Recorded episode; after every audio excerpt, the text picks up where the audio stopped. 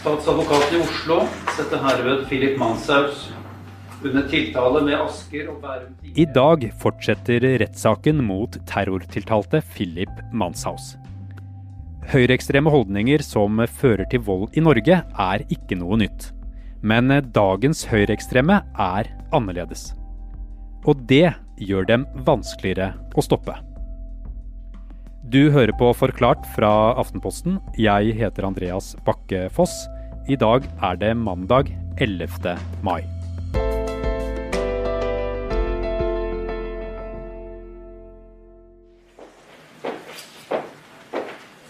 Terrortiltalte Philip Manshaus går inn i rettssalen med lange skritt. I svart dress og slips beveger han seg rundt en rad pulter og stiller seg opp ved siden av Unni Friis. Hun er forsvareren hans. I noen sekunder, mens han vet at alle ser på, gjør han et OK-tegn med høyrehånda. Du vet sånn som dykkere gjør for å si at alt står bra til. Men det tegnet har også blitt en høyreekstremistisk hilsen.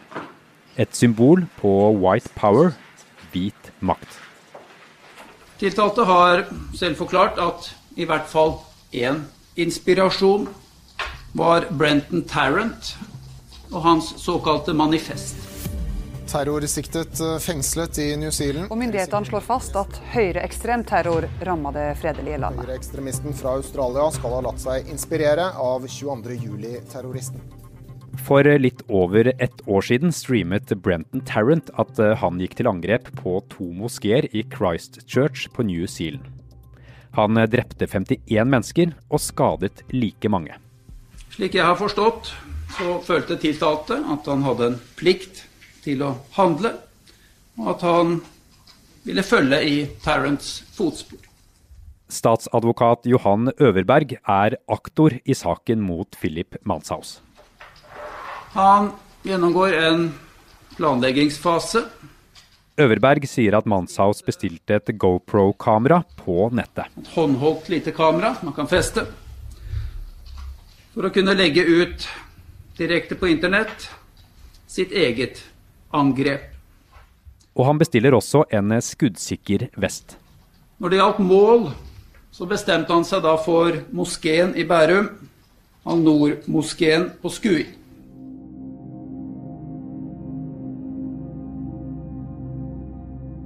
Moren til Manshaus døde da han var liten. I fjor høst bodde han med faren, stemoren og stesøsteren i Bærum. Og lørdag 10. august dro både faren og stemoren hjemmefra. Da tiltalte er sikker på at hun har reist og ikke kommer tilbake, så iverksetter han ved at han får åpnet våpenskapet. Der var det tre våpen. Tiltalte har forklart at han tok salongriflen og gikk inn på rommet til fornærmede. Han dreper stesøsteren sin med fire skudd. Så pakker han bilen. Så tar han med seg våpen, PC, hjelm, kamera. Han publiserer også et innlegg på internett på et forum, en kanal som heter EndChan, klokken 15.56. I rettssalen viser aktor en video som Manshaus har tatt opp selv. Han parkerer utenfor. Han tar med seg jaktriflen og haglen. Han går til en sideinngang i moskeen. Han uh, skyter mot døren, sparker den åpen. Og så går han gjennom gangen og inn i bønnerommet. Der inne er det tre mennesker. En av dem heter Mohammed Rafik. Så kommer Rafik rett mot tiltalte og forsøker å overmanne ham. De havner etter hvert på gulvet.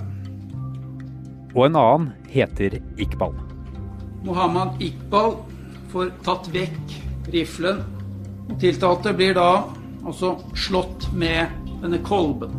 Riflekolben. 20 minutter etter nødanropet kommer politiet, og Manshaus blir arrestert. Statsadvokaten i Oslo setter herved Philip Manshaus under tiltale med Asker og Bærum tingrett til fellelse etter post 1 straffeloven paragraf 275 for å ha drept en annen. Post 2 for å ha begått en terrorhandling ved å forsøke å drepe en annen i den hensikt å skape alvorlig frykt i en befolkning. Philip Manshaus sier selv at han har gjort det. At han skjøt og drepte stesøsteren sin, og dro til moskeen for å drepe flere mennesker. Men han sier at han ikke er skyldig. Erkjenner du straffskyld for dette forholdet? Det gjør jeg ikke. Og før helgen forklarte han hvorfor. Vi er straks tilbake.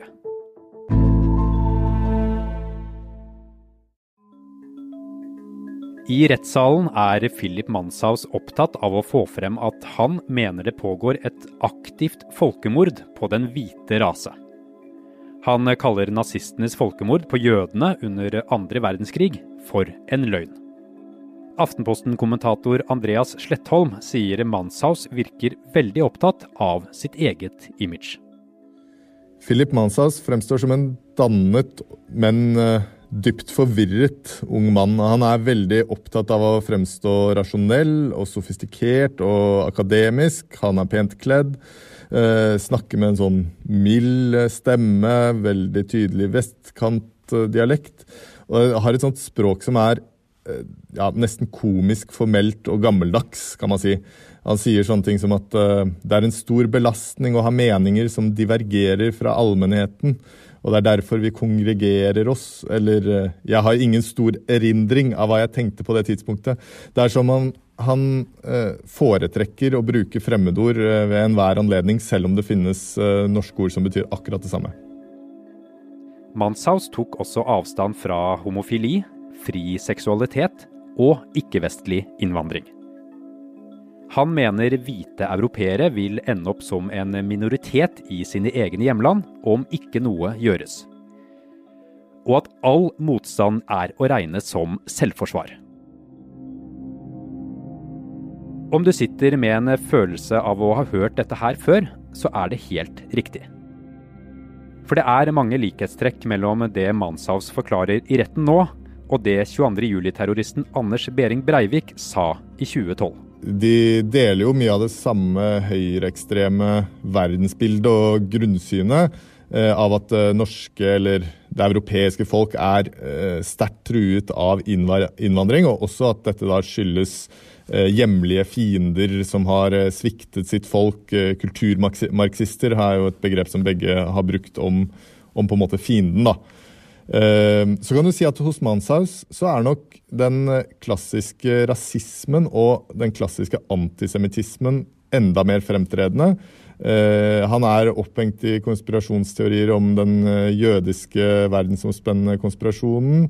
Ehm, og han mener at andre raser er mindreverdige, og at andre etnisiteter ikke har evne til ekte empati, eh, f.eks. De er ganske like i stil, hvordan de fremstår, og begge har også en veldig sånn selvopptatt måte å omtale seg selv på.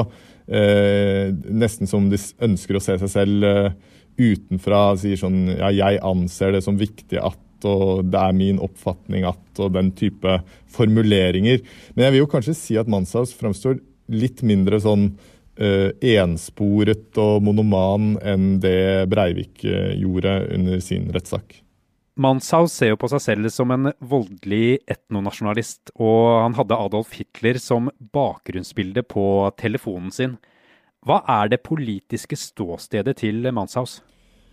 Det enkleste er kanskje å omtale han som en reinspikka nazist. Det er ingen tvil om at han er dypt ideologisk motivert uh, til å begå terror, og han har hentet veldig mye inspirasjon da fra dette angrepet i Christchurch på New Zealand i, uh, i fjor.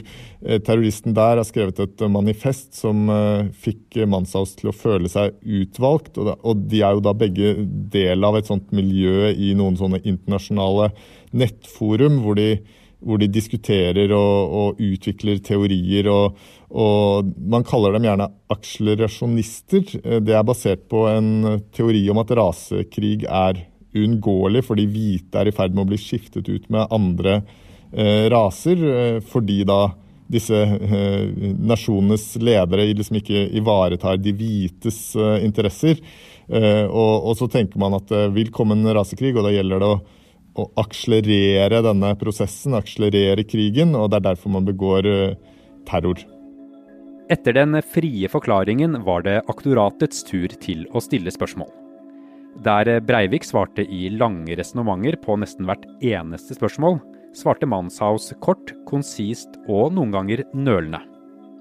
Det var nesten som om statsadvokaten måtte dra ordene ut av ham. Aktor skal jo til bunns i eh, motivet, og så skal de kartlegge alt som er relevant for straffereaksjonen. De skal jo legge ned en påstand om straff, og da kan det bli aktuelt f.eks. For med forvaring. Altså at han skal fengsles på ubestemt tid eh, hvis det er sånn at han anses som for farlig for samfunnet til at han kan slippe ut. Og Da er det jo veldig relevant å grave i både verdensbildet hans og hans mentale tilstand, og ikke minst av hvordan han ser på det han har gjort, og om han er eh, villig og tenker at det er lurt å ville gjøre det igjen. Manshaus bekrefter at han ville gjort det samme igjen, og at han ikke har noe sympati for mennene i moskeen. Han eh, sier også at han eh, så på det som nødvendig å drepe sin egen søster. For å forklare situasjonen han mener han står i, beskriver han et fly som brenner. Og at han selv er den eneste som ikke er hjernevasket, og at han skjønner at flammene må slukkes. Han beklager til sine meningsfeller at han ikke gjorde mer skade. Meningsfellene til eh, Manshaus finnes i rikt monn eh, på internett, spesielt eh, i disse forumene der høyreekstreme finner sammen og dyrker teoriene sine og utvikler dem. Da. Hvor mange nordmenn som deltar der, er litt usikkert. Men så er det jo heller ikke sånn at disse nettforumene på en måte ikke er tilkoblet den virkelige verden. I Norge har vi f.eks. en nynazistisk organisasjon som heter Den nordiske motstandsbevegelsen som Manshaus eh, søkte medlemskap i eh, kort tid før terrorangrepet. Og Det er en organisasjon som har hatt betydelig aktivitet de siste årene i Norge, men kanskje spesielt i Sverige. De er ikke mange, men de er farlige, og PST fremhever jo den høyreekstreme trusselen som større enn før. Høyreekstreme holdninger som gir utslag i vold, er jo ikke noe nytt i Norge. Andreas. Én ting er jo Breivik, men om vi går eh, litt lenger tilbake enn det, f.eks. til 1990-årene, så var det jo også relativt markante nynazistiske miljøer i Norge. Hvordan vil du si at dagens høyreekstreme skiller seg fra de som var eh, på 1990-tallet? En viktig forskjell er jo at eh, dagens høyreekstremister gjennomgående er eldre. Eh, på 90-tallet så var det mye ungdom i, i, tenårene, og kanskje til og med tidlig i tenårene. Eh, nå er det voksne menn, stort sett, og de er mer ideologisk skolerte, stort sett. Og så tar de da del i dette internasjonale fellesskapet der informasjon og ideer er svært enkelt tilgjengelig. Mye enklere enn på 90-tallet. Og så tror jeg også man kan si at uh, i hvert fall en del av dagens høyreekstreme har et litt annet forhold til storsamfunnet. Uh, disse snauskallene på 90-tallet var jo på mange måter opptatt av å skape avstand og være en utgruppe. Mens uh, mange av dagens høyreekstreme søker det motsatte. Å vinne innpass gjennom argumenter og fremstå Eh, attraktivt også for oppegående folk som ikke liker gateslagsmål og slaskete klær og tatoveringer og den type ting. Og Manshaus eh, fremtoning i retten er jo et godt eksempel på, på det. På 1990-tallet jobbet samfunnet mye med å stanse denne utviklingen. Kan man gjøre det på samme måte i dag? Jeg tror man må si at den nye høyreekstremismen er vanskeligere å forebygge enn eh, hvis man tenker tilbake på 90-tallet. Spesielt aktiviteten på internett er jo vanskelig å hindre helt. Man kan stenge forum, men da vil jo meningsfellene finne nye kanaler. Eh, så kan man si at sikkerhetsmyndighetene må da overvåke disse miljøene konsekvent. Men da får du fort det problemet at eh, det er ikke så lett å skille potensielle terrorister fra relativt mange som deler noe av det samme verdensbildet. F.eks. de som tror det er noe i denne teorien om en bevisst fortrengning av etniske europeere på, på det europeiske kontinentet. Det, dem er det jo en god del av. Og så er det jo sånn at du eh, Altså 90-tallets virkemidler baserte seg mye på at dette var marginalisert ungdom på søken etter et eh, fellesskap og, og, og, og, noen å drikke øl med, på en måte. Eh, og da brukte man virkemidler som bekymringssamtaler og mobilisering av foreldre og familien. Det er neppe noen vinneroppskrift da for å forsøke å omvende, omvende ideologisk overbeviste voksne menn med begge beina planta i nazistisk ideologi.